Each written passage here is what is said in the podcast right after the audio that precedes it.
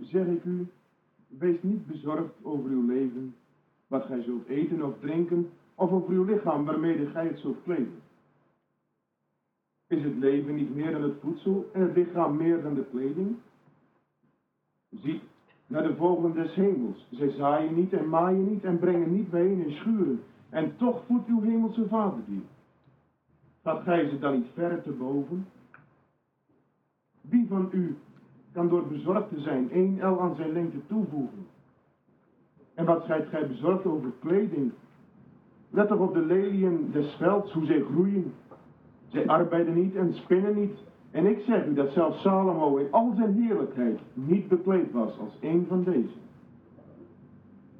Indien u God het gras des velds, dat er heden is en morgen in de oven geworpen wordt, zo bekleed, zal hij u niet veel meer kleden, kleingelovigen? Maakt u dan niet bezorgd, zeggende, wat zullen wij eten of wat zullen wij drinken, of waarmee zullen wij ons kleden? Maar naar al deze dingen gaat het zoeken der heidenen uit. Want uw hemelse vader weet dat gij dit alles behoeft. Maar zoek eerst zijn koninkrijk en zijn gerechtigheid. En dit alles zal u bovendien geschonken worden. Maakt u niet bezorgd tegen de dag van morgen. Want de dag van morgen zal zijn eigen zorgen hebben. Elke dag heeft genoeg aan zijn eigen kwaad.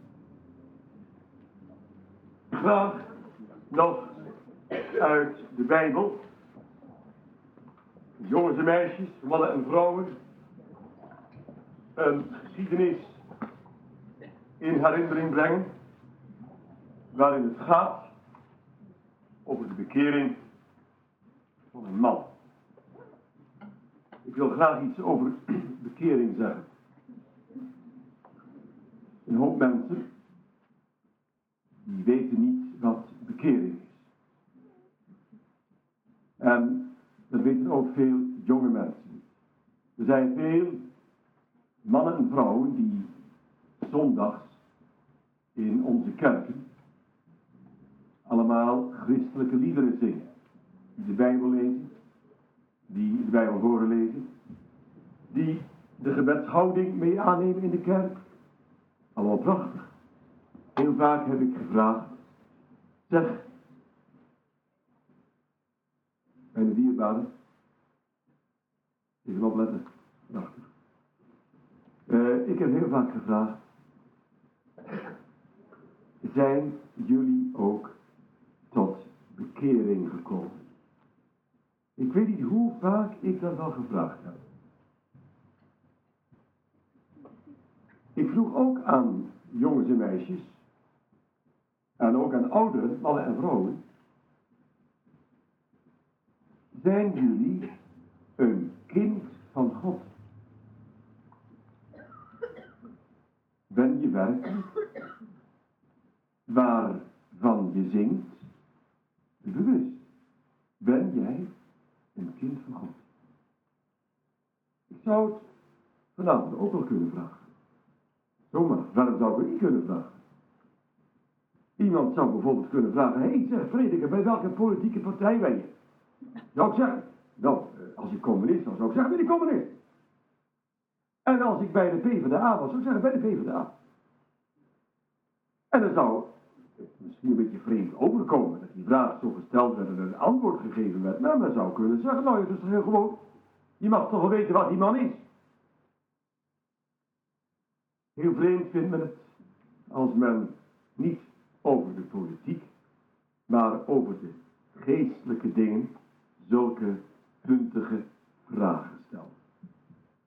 Ik vind het bijna brutaal. Ben jij een kind van God? Ik zou het dus best vanavond kunnen vragen. Nou, niet u aan mij, bij welke partij hoor je, maar is u wel een kind van God? Weet u wel dat u, dat u uh, behouden bent? Hoe is zoiets?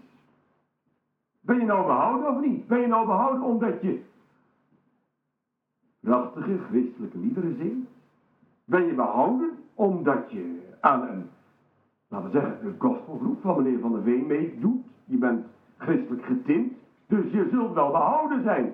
Mensen nog eens toe, dat zijn vragen waar men wel eens over na kan denken. Ben ik behouden? Ben ik wel in dat rijk van God? Of is dat alleen maar, ja, klanken die ik overgenomen heb? Ik neem ze mee. Ik leef er een beetje mee. Maar directe betekenis hebben ze niet vanuit mijn eigen leven. Ik wil eerst graag getuigenis geven. Maar dat moeten de mensen die naar me luisteren niet als een soort uitdaging opvatten. En ook niet om te prikkelen. En zeker niet om eigenwijs te doen. Maar als je mij vraagt, ben jij bekeerd? Dan zeg ik, ja, ik ben bekeerd. Ben je een kind van God? Zeg ik, ja, ik ben een kind van God. Wie wou vragen of ik behouden was? Wel, ik weet ook dat ik behouden ben. weet ik. Ik weet dat ik bekeerd ben tot Jezus. Ik weet dat ik een kind van God ben. En ik weet dat ik behouden ben. Dat ik eeuwig leven heb. Ik dacht dat het helemaal niet vreemd was dat ik dat zou zeggen vanavond. Vind u het vreemd of niet? Ik dacht dat dat bij christenen hoort. Maar ik heb heel vaak aan mensen christenen gevraagd, is hij behouden? Dan zeggen ze, ja, dat, dat, dat, dat zo wat. Nou, ze kenden wel die tekst. Zoek eerst het koninkrijk van God en zijn gerechtigheid. En alle andere dingen worden u toegeworpen. Maar of ze behouden waren, wisten ze niet. Ik vroeg ook dus aan mensen. Is u bekeerd? Ja, ja, bekeerd, bekeerd. Ja, ik ben... eh, En noem de naam van een kerk. Ik zei, ja, maar dat vroeg ik niet. Ik vroeg niet of u kerklid was, maar of u bekeerd bent. Bleven ze heel vaak het antwoord schuldig. Nou, dan wil ik vanavond even op ingaan. Wat is bekering? Dan weet men tenminste vanavond een duidelijke zaak voor zichzelf te stellen. Kun je tenminste zeggen, ik ga bekeren als ik het niet ben en als ik het wel ben, dank u heren. Dank u, dank u, dank u Jezus. In Handelingen 16 staat een geweldig, duidelijk verhaal, een geschiedenis. Dat is de geschiedenis van de bekering van de cipier, de hoofdcipier van de gevangenis in de Griekse stad Filippi. Daar wordt in deze geschiedenis door de Heilige Geest, die de auteur is van dit boek Handelingen der Apostelen, ook Handelingen 16, aan alle lezers van alle eeuwen vertelt hoe een man die er totaal geen enkele voorbereiding voor had, op een bepaald moment bekeerd werd, was. En hoe hij op een ene moment totaal verandert.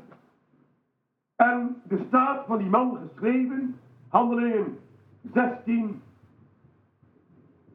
vers 32. Zij spraken het woord van God tot hem in tegenwoordigheid van allen die in zijn huis waren. En hij bracht hen naar boven in zijn huis, richtte een tafel aan. En hij verheugde zich dat hij met zijn hele huis tot het geloof in God was gekomen. Hier vinden we een kort verslag van een reactie van één man met al zijn huisgenoten die hij erbij betrokken hadden in die zaak. Een reactie op de ontmoeting met het evangelie van Jezus Christus en de bekering.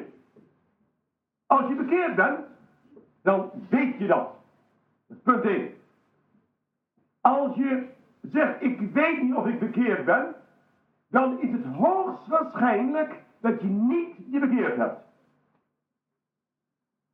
Als iemand zegt, ik weet dat ik een kind van God ben, door het bloed van Jezus, dan is het zeker dat dat is door persoonlijk geloof.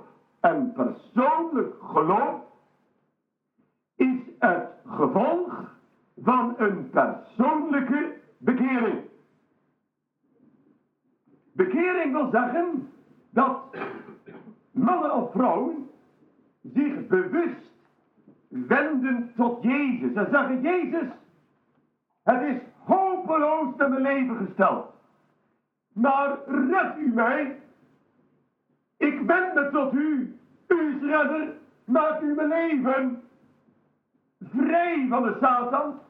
En maak mij een kind van God. Reinig mij door het bloed dat u liet vloeien toen u aan het kruis stierf. En maak me als een verloste iemand die juicht, die nieuw leeft en die om de vreugde daarvan kan juichen. De geschiedenis is heel bekend. Paulus en Silas, twee zeer actieve christenen, volgelingen van Jezus Christus, die zijn boodschap brachten, die raakten door bepaalde omstandigheden in de stad Filippi hevig in de knel. Ze werden beschuldigd van oproerstokerij en werden daarom gearresteerd en in de gevangenis geworpen na een zeer streng bevel dat ze zorgvuldig bewaard zouden worden. En de cipier van die gevangenis, hoofdpersoon uit deze geschiedenis, die heeft dat bevel letterlijk uitgevoerd. Hij zette hen in de binnenste cel, kerken, en sloot hun voeten naar bevel zorgvuldig in het blok. Bepaalt geen leuke manier van je nacht doorbrengen. Je voeten in een paar gaten van een blok, het open kan en weer dichtgeklapt wordt en op slot gedaan. Deze twee gevangenen, Paulus en Silas, die hadden daarvoor een verschrikkelijke aframmeling gekregen. Hun ruggen waren kapotgeslagen door de geestelslagen die zij gekregen hadden. Met de roede. Het liep tegen een uur of twaalf, dus midden in de nacht. Ze hadden daar al uren in die gevangenis gezeten. Uren met pijn, uren in de grootste lichamelijke beroerdigheid, uren ook met heel veel vragen. De mens heeft vragen. Waarom moet ik dit meemaken? En had het nou niet wat anders gekund? Maar de staat van Paulus en Silas, omstreeks middernacht, baden Paulus en Silas. En zij zongen Gods lof. Paulus en Silas waren mannen die bekeerd waren. Ze waren wedergeboren mensen, nieuw geboren, uit God geboren. Het waren christenen van wie je duidelijk wist dat ze christenen waren. Dat was niet een naam, dat was een manier van leven. En toen ze in de grootste verrikkelijk kwamen, in die gevangenis, leefden zij daar ook op dat moment niet als arme slachtoffers van de duivel. Een christen is een verloste uit de macht van de duivel. Een bekeerde is iemand die ontrokken is aan die vreselijke sfeer van de duivel. En die leeft in het licht van Jezus. Zo waren Paulus en Silas daar in die gevangenis. Ze waren geslagen, ze waren geboeid, ze hadden geen uitzicht, maar dat beleefden zij als bekeerde mensen die in de tegenwoordigheid van de levende Jezus Christus waren. En het wonderlijke was dat Paulus en Silas in plaats van jammeren en hun ellende uitschreeuwen, baden. Ze baden maar. Ze baden, ze baden tot God en vroegen hem om kracht. En ze ontvingen kracht. En van louter vreugde zongen zij in die nacht God lofliederen toe. Joodse psalmen, prachtige lofliederen. Misschien hebben ze wel heerlijke nieuwe liederen gezongen, zo geboren in die omstandigheden in hun hart. En de gevangenen, die gevangenis, die hoorden dat en die luisterden geboeid. Wie heeft nou ooit in de gevangenis zo prachtig, prachtig duet gehoord? Paulus en Silas. God heeft hem daar gezien. En dan laat God daar niet verder toe dat zij gevangen blijven. Hij heeft een groot plan voor hen. En God schudt door een aardbeving aan de muren van die gevangenis. De deuren, de gevangenisdeuren, die vliegen open omdat de grondvesten van die gevangenis schudden. En nog een groter iets, de boeien van al die gevangenen, die raakten één voor één los. Op dat moment is die bewaarder nog in slaap, maar hij schrikt op door dat geweldige gerommel en door alles wat daar gebeurt. En dan ziet hij dat de deuren van die gevangenis openstaan en zich bewust ervan dat hij verantwoordelijk is voor de aanwezigheid van de gevangenen, denkt hij dat ze natuurlijk door die open deuren de vrijheid hebben genomen. De vrijheid hebben verkozen en de been hebben genomen. En hij is op dat moment zo in wanhoop en hij weet niet anders te doen dan zichzelf het leven te beroven. Hij wil zich met zijn zwaard zelf dood. Dat moment van nood, van hoog opgevoerde spanningen in zijn leven wordt door God gebruikt om hem tot bekering te brengen.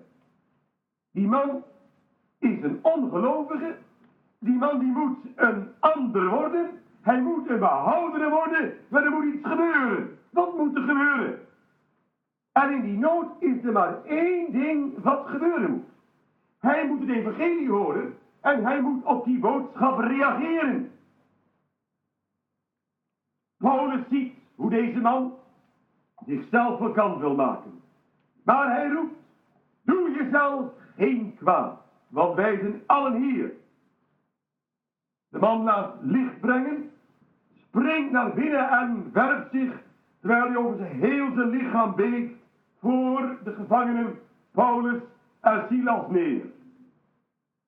En dan vraagt hij hen, terwijl hij ze naar buiten voert, heren, wat moet ik doen om behouden te worden? Wat moet ik doen? Wat kan ik doen om zo te worden als jullie? Wat verschil in mensen. Paulus en Silas in de grootste moeilijkheden, vol van gebed en vol van lofzang. Als jong, dat is om jaloers te worden. Ik ken genoeg van die huisvrouwen, van die mannen, die vol van vreugde zijn. Ze hebben ook hun geweldige verantwoordelijkheden, maar ze hebben geleerd om te bidden. Geleerd om op God te vertrouwen. En ze hebben geleerd om te zingen. Wat een leven! Daar tegenover dat type van die cipier. Er komt een geweldige plotselinge spanning opzetten. En ze weten niet meer. In wanhoop. Aan het einde van hun kunnen. Niet om jaloers op te zijn. Massas mensen zijn vandaag zo. Wat moet ik doen om behouden te worden? Hoe kan ik worden zoals jullie, Paulus en Silas? Hoe kan het? Misschien zijn er vanavond mensen die dat vragen. Hoe, hoe kun je nou op een moment weten, dan ben ik behouden. Dan ben ik een kind van. Ik was het zo net om, uh, om negen uur nog niet, maar nou tien over negen dan weet ik het wel, dan ben ik het ook. Zou het kunnen?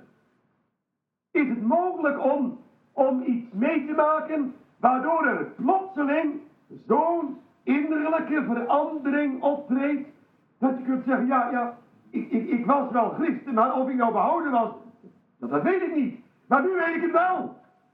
Er is iets gebeurd. Paulus hij zegt het. Hij antwoordt op die vraag, heren, wat moet ik doen om behouden te worden? Stel uw vertrouwen op de Heere Jezus. En ge zult behouden worden, gij en uw huis. Niets anders, zegt Paulus. Paulus zegt niet, want je moet zien dat je bij de eerste Filipijnse kerk aansluit. En dan moet je daar de categorisatie volgen en de opleiding voor uh, geestverkleding. Geen sprake van. Hij zegt, het kan onmiddellijk gebeuren. Wat moet ik doen om behouden te worden? Hoe kan ik ook zo worden als jullie? Zo vol van innerlijk geluk, zo vol van vrede, zo vol van vreugde. Hoe kan dat? Is daar een antwoord op? Ja, zegt Paulus. Er is nog één antwoord op. Dat kunt u hier, hier van de gevangenis, dat kunt u hier doen. Stel uw vertrouwen op de Heer Jezus. Daar is Jezus aan de mensen. Waarom is Jezus aan de mensen gegeven? Opdat de mensen in hem iemand zullen hebben op wie zij hun vertrouwen kunnen stellen. Op wie ze kunnen bouwen, tot wie ze kunnen bidden en van wie zij kunnen verwachten dat hij hen redt. Daarom is Jezus gegeven. Jezus is niet ons gegeven opdat we eindeloos over hem theologiseren, mannen en vrouwen. Jezus is niet ons gegeven, opdat wij zouden zeggen, nu hebben wij iemand die eens een nieuwe wereld geeft. Jezus is mensen gegeven, opdat zij op hem hun vertrouwen kunnen stellen.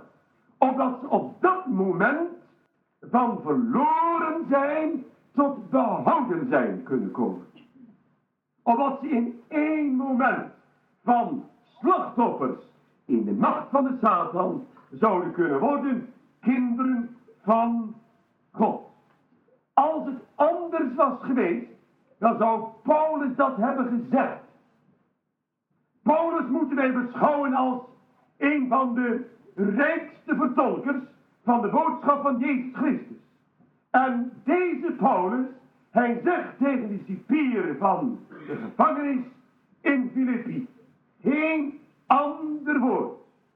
Jij moet, wil jij behouden worden, wil jij niet meer verloren zijn zoals je bent, dan moet jij jouw vertrouwen gaan stellen op Jezus, Jezus gaan aannemen, Hij is er voor jou. Die man die kan maar kiezen. Ik weet niet of alle mensen vanavond hier in de tent behouden zijn. Ik zou wel dit kunnen zeggen. Niemand hoeft als verlorene de tent uit te gaan. Niemand hoeft in de macht van de duivel te blijven vanavond. Niemand behoeft in de macht van de demonen te blijven vanavond. Want Jezus is aan de mensen gegeven opdat zij voor hun behoud, hun verlossing uit de macht van de duisternis, hun bevrijding van hun schuld, hun kindschap Gods, hun vertrouwen op Hem zouden stellen. Het is helemaal niet moeilijk. Het is helemaal geen vraag. Het antwoord is, dames en heren, als u niet behouden bent, maar u denkt, het kan niet langer zo, maar wat moet u doen? Dan moet u niets anders doen dan zeggen, Jezus Christus, u is het lam van God, dat de zonde van de wereld wegneemt. En u is gestorven aan het kruis, beladen met onze schuld. En u is daar gegaan om de dood te overwinnen en alle machten die mij vasthouden. Heren, nu stel ik mijn vertrouwen op u. Dat zouden we dus vanavond ook kunnen doen. Ik zal het heel scherp doorvoeren. Opdat iedereen er zeer duidelijk alles over weet. Iemand kan vanavond hier in het tent. Het kan ook buiten het tent. Het kan ook in je huis. Iemand kan vanavond zijn knieën buigen. En zeggen, Jezus, ik ben een zondaar.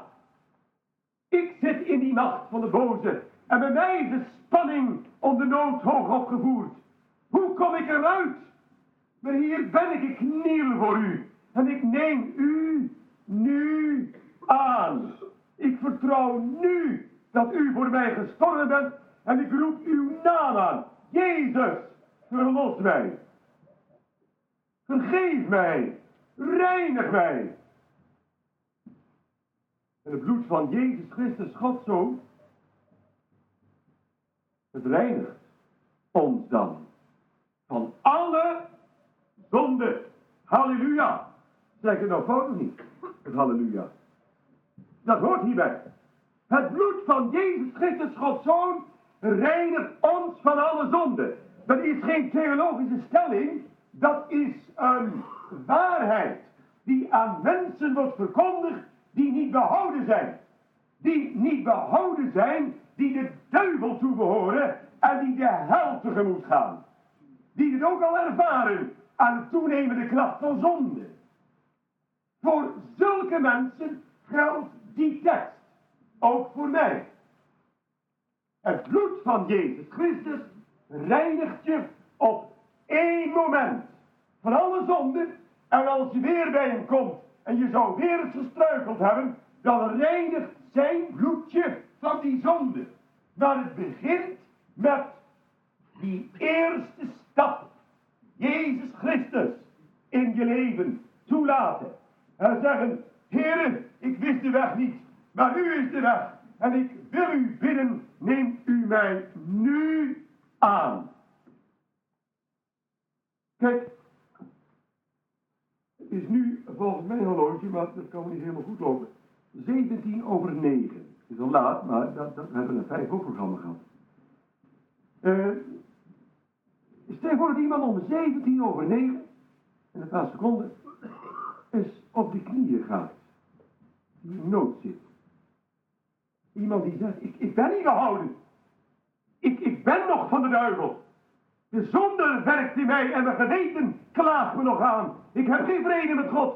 Stel voor dat iemand om 17 en 15 seconden over 9 op de knieën gaat.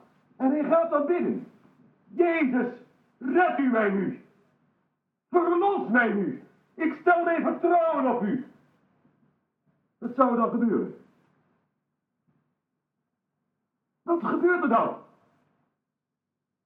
Dan wordt op dat moment zo iemand behouden. Geachte dames en heren.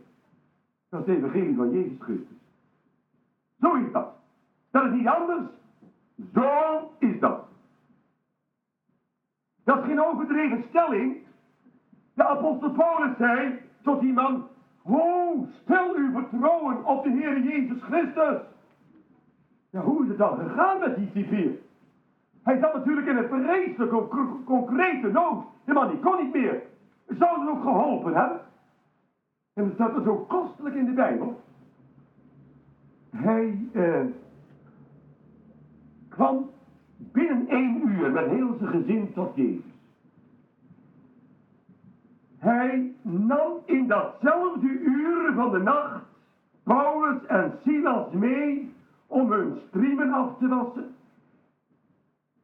Notabene. En hij liet zichzelf en al de zijnen, deden het ook, terstond dopen. Binnen één uur van zondaar verlorene. Je hebt de boodschap gehoord, kort en krachtig. Neem Jezus aan. Binnen één uur bekering, dood en eeuwig leven. Als ik het u had verteld als een ervaring van een paar mensen uit de Westerijn, had u allemaal gezegd, nonsens, kan niet. Heel te vlug, het is niet waar, dat is een overdreven zaak. Het staat hier in het oude woord van God. Handelingen, hoofdstuk 16.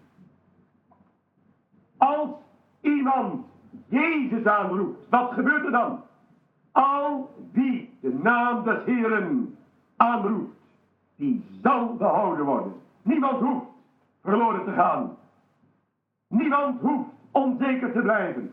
Niemand hoeft te denken, ik ben geen kind van God. Iedereen mag het weten. Jezus is gestorven voor onze zonden. En opgewekt, opdat wij rechtvaardigen zouden worden. Hij doet het.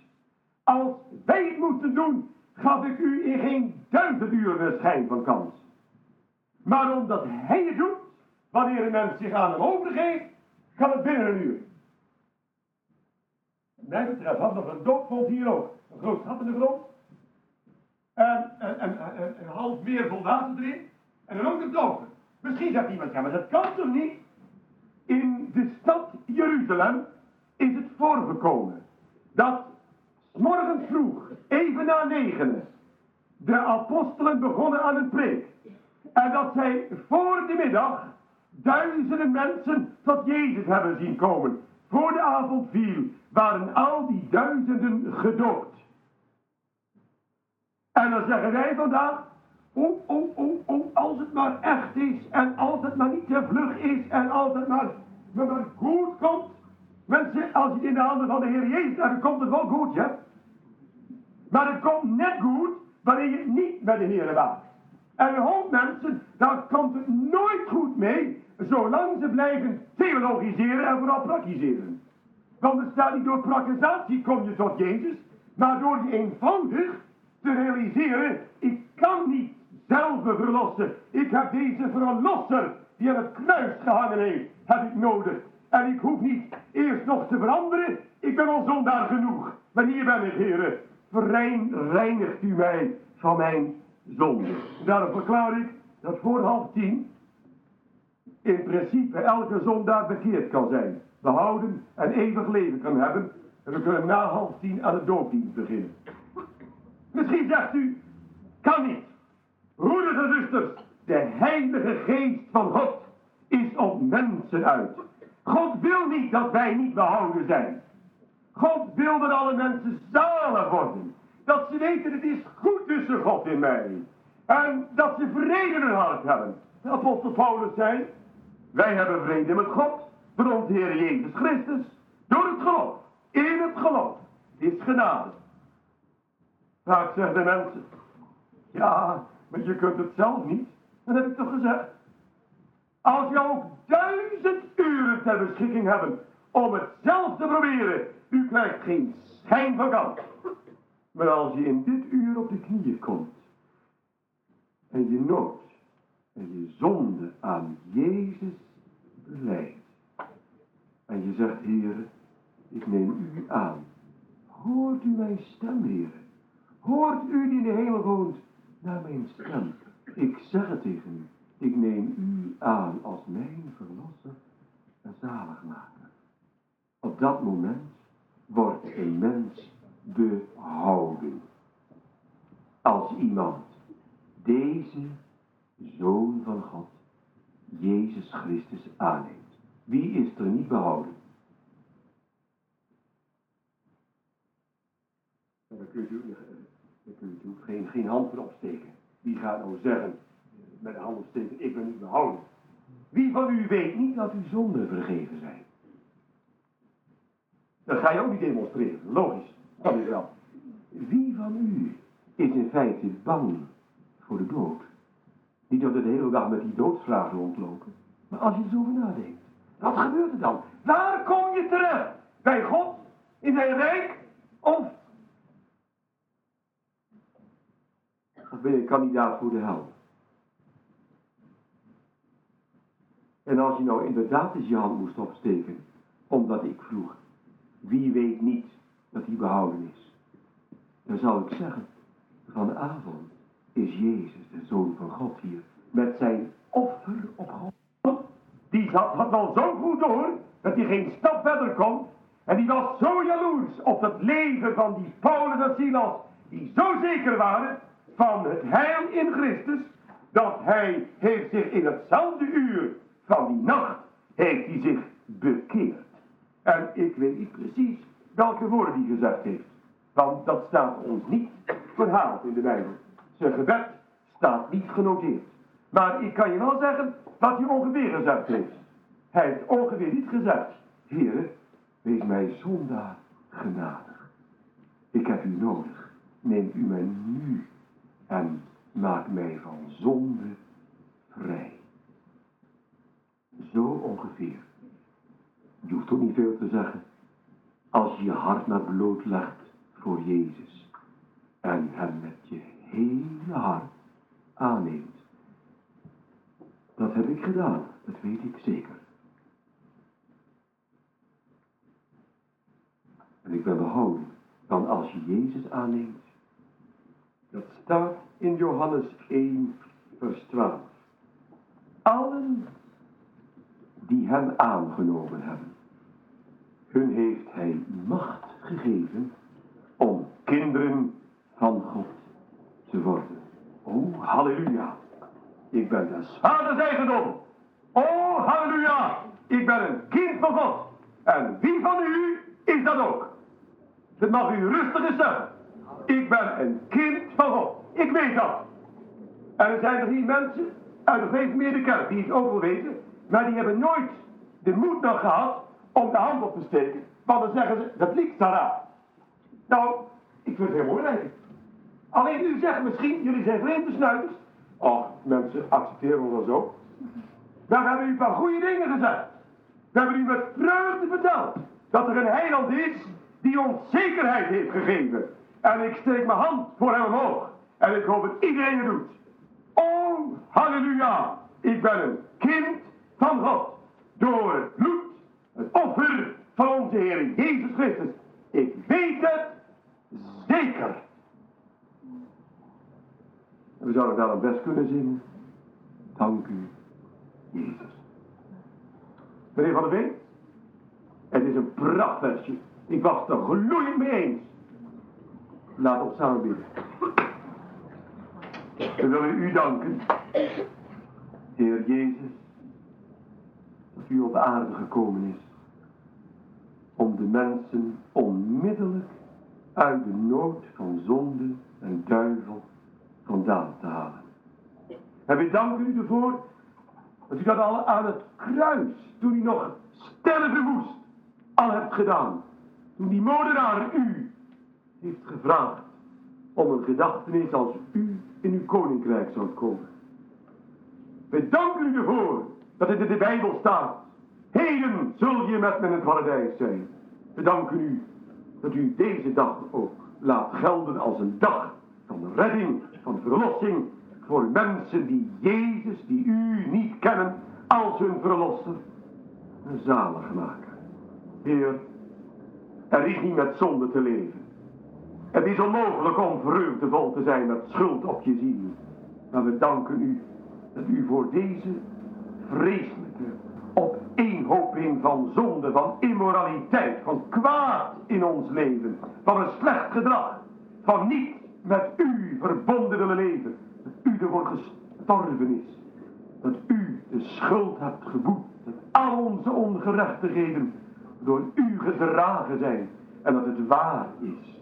Stel je vertrouwen op mij en ik zal je behouden. Behouden nu. Heer, dank u wel dat het binnen één uur kan.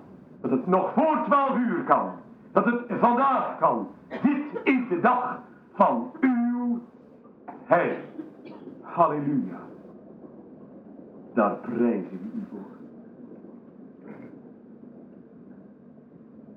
En laat uw Heilige Geest werken, Heer, in de harten van deze mensen. Van allen die niet weten, niet weten vrede met u te hebben, niet weten behouden te zijn. Werkt u nu in hun hart.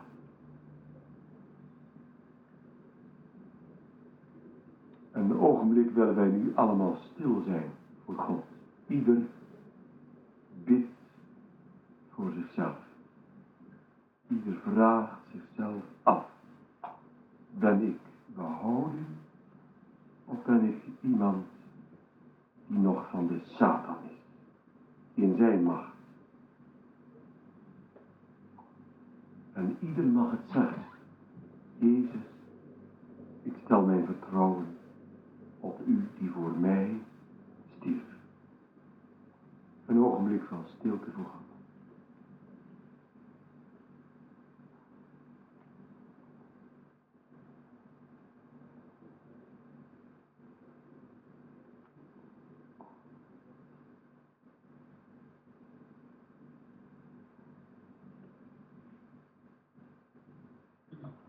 Amen.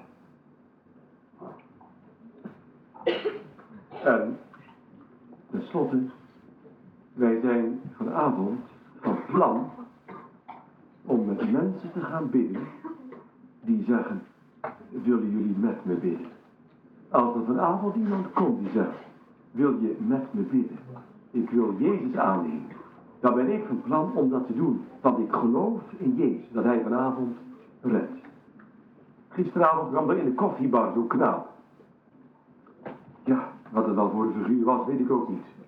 Maar ze hebben met hem gepraat. En hij is zo ver gegaan dat hij op de knieën ging. Dat ze met hem baden. En hij nam. Wat deed hij ook weer? Hé, hey, Leo, wat deed hij? Hij was blij. Heeft hij Jezus aangenomen? Amen. Ja. Was niet te vlug? Was het in een uurtje bekeken? Oeh, de mensen zeggen hier steeds dat het niet kan, maar het kan dus toch wel. Het kan wel. Het kan in dit uur bekeken zijn. Dit is Gods uur. Maar het is ook het uur van de duivel. Dat is ook waar. We willen graag vanavond bidden met ieder die het nodig heeft. Nu willen we eerst luisteren naar dit. Eh, de gospelgroep.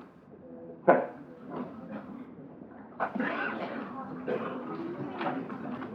Eh, u, u merkt het wel, dat... Heer, wij zingen voor u. Ere zij aan God de Vader. En we willen graag eerst dat eerste vers zingen. En daarna zingen we een halleluja. En daarna zou ik graag van u hebben dat u ook het eerste vers mee wil zingen. En op het laatste uur een beetje stil.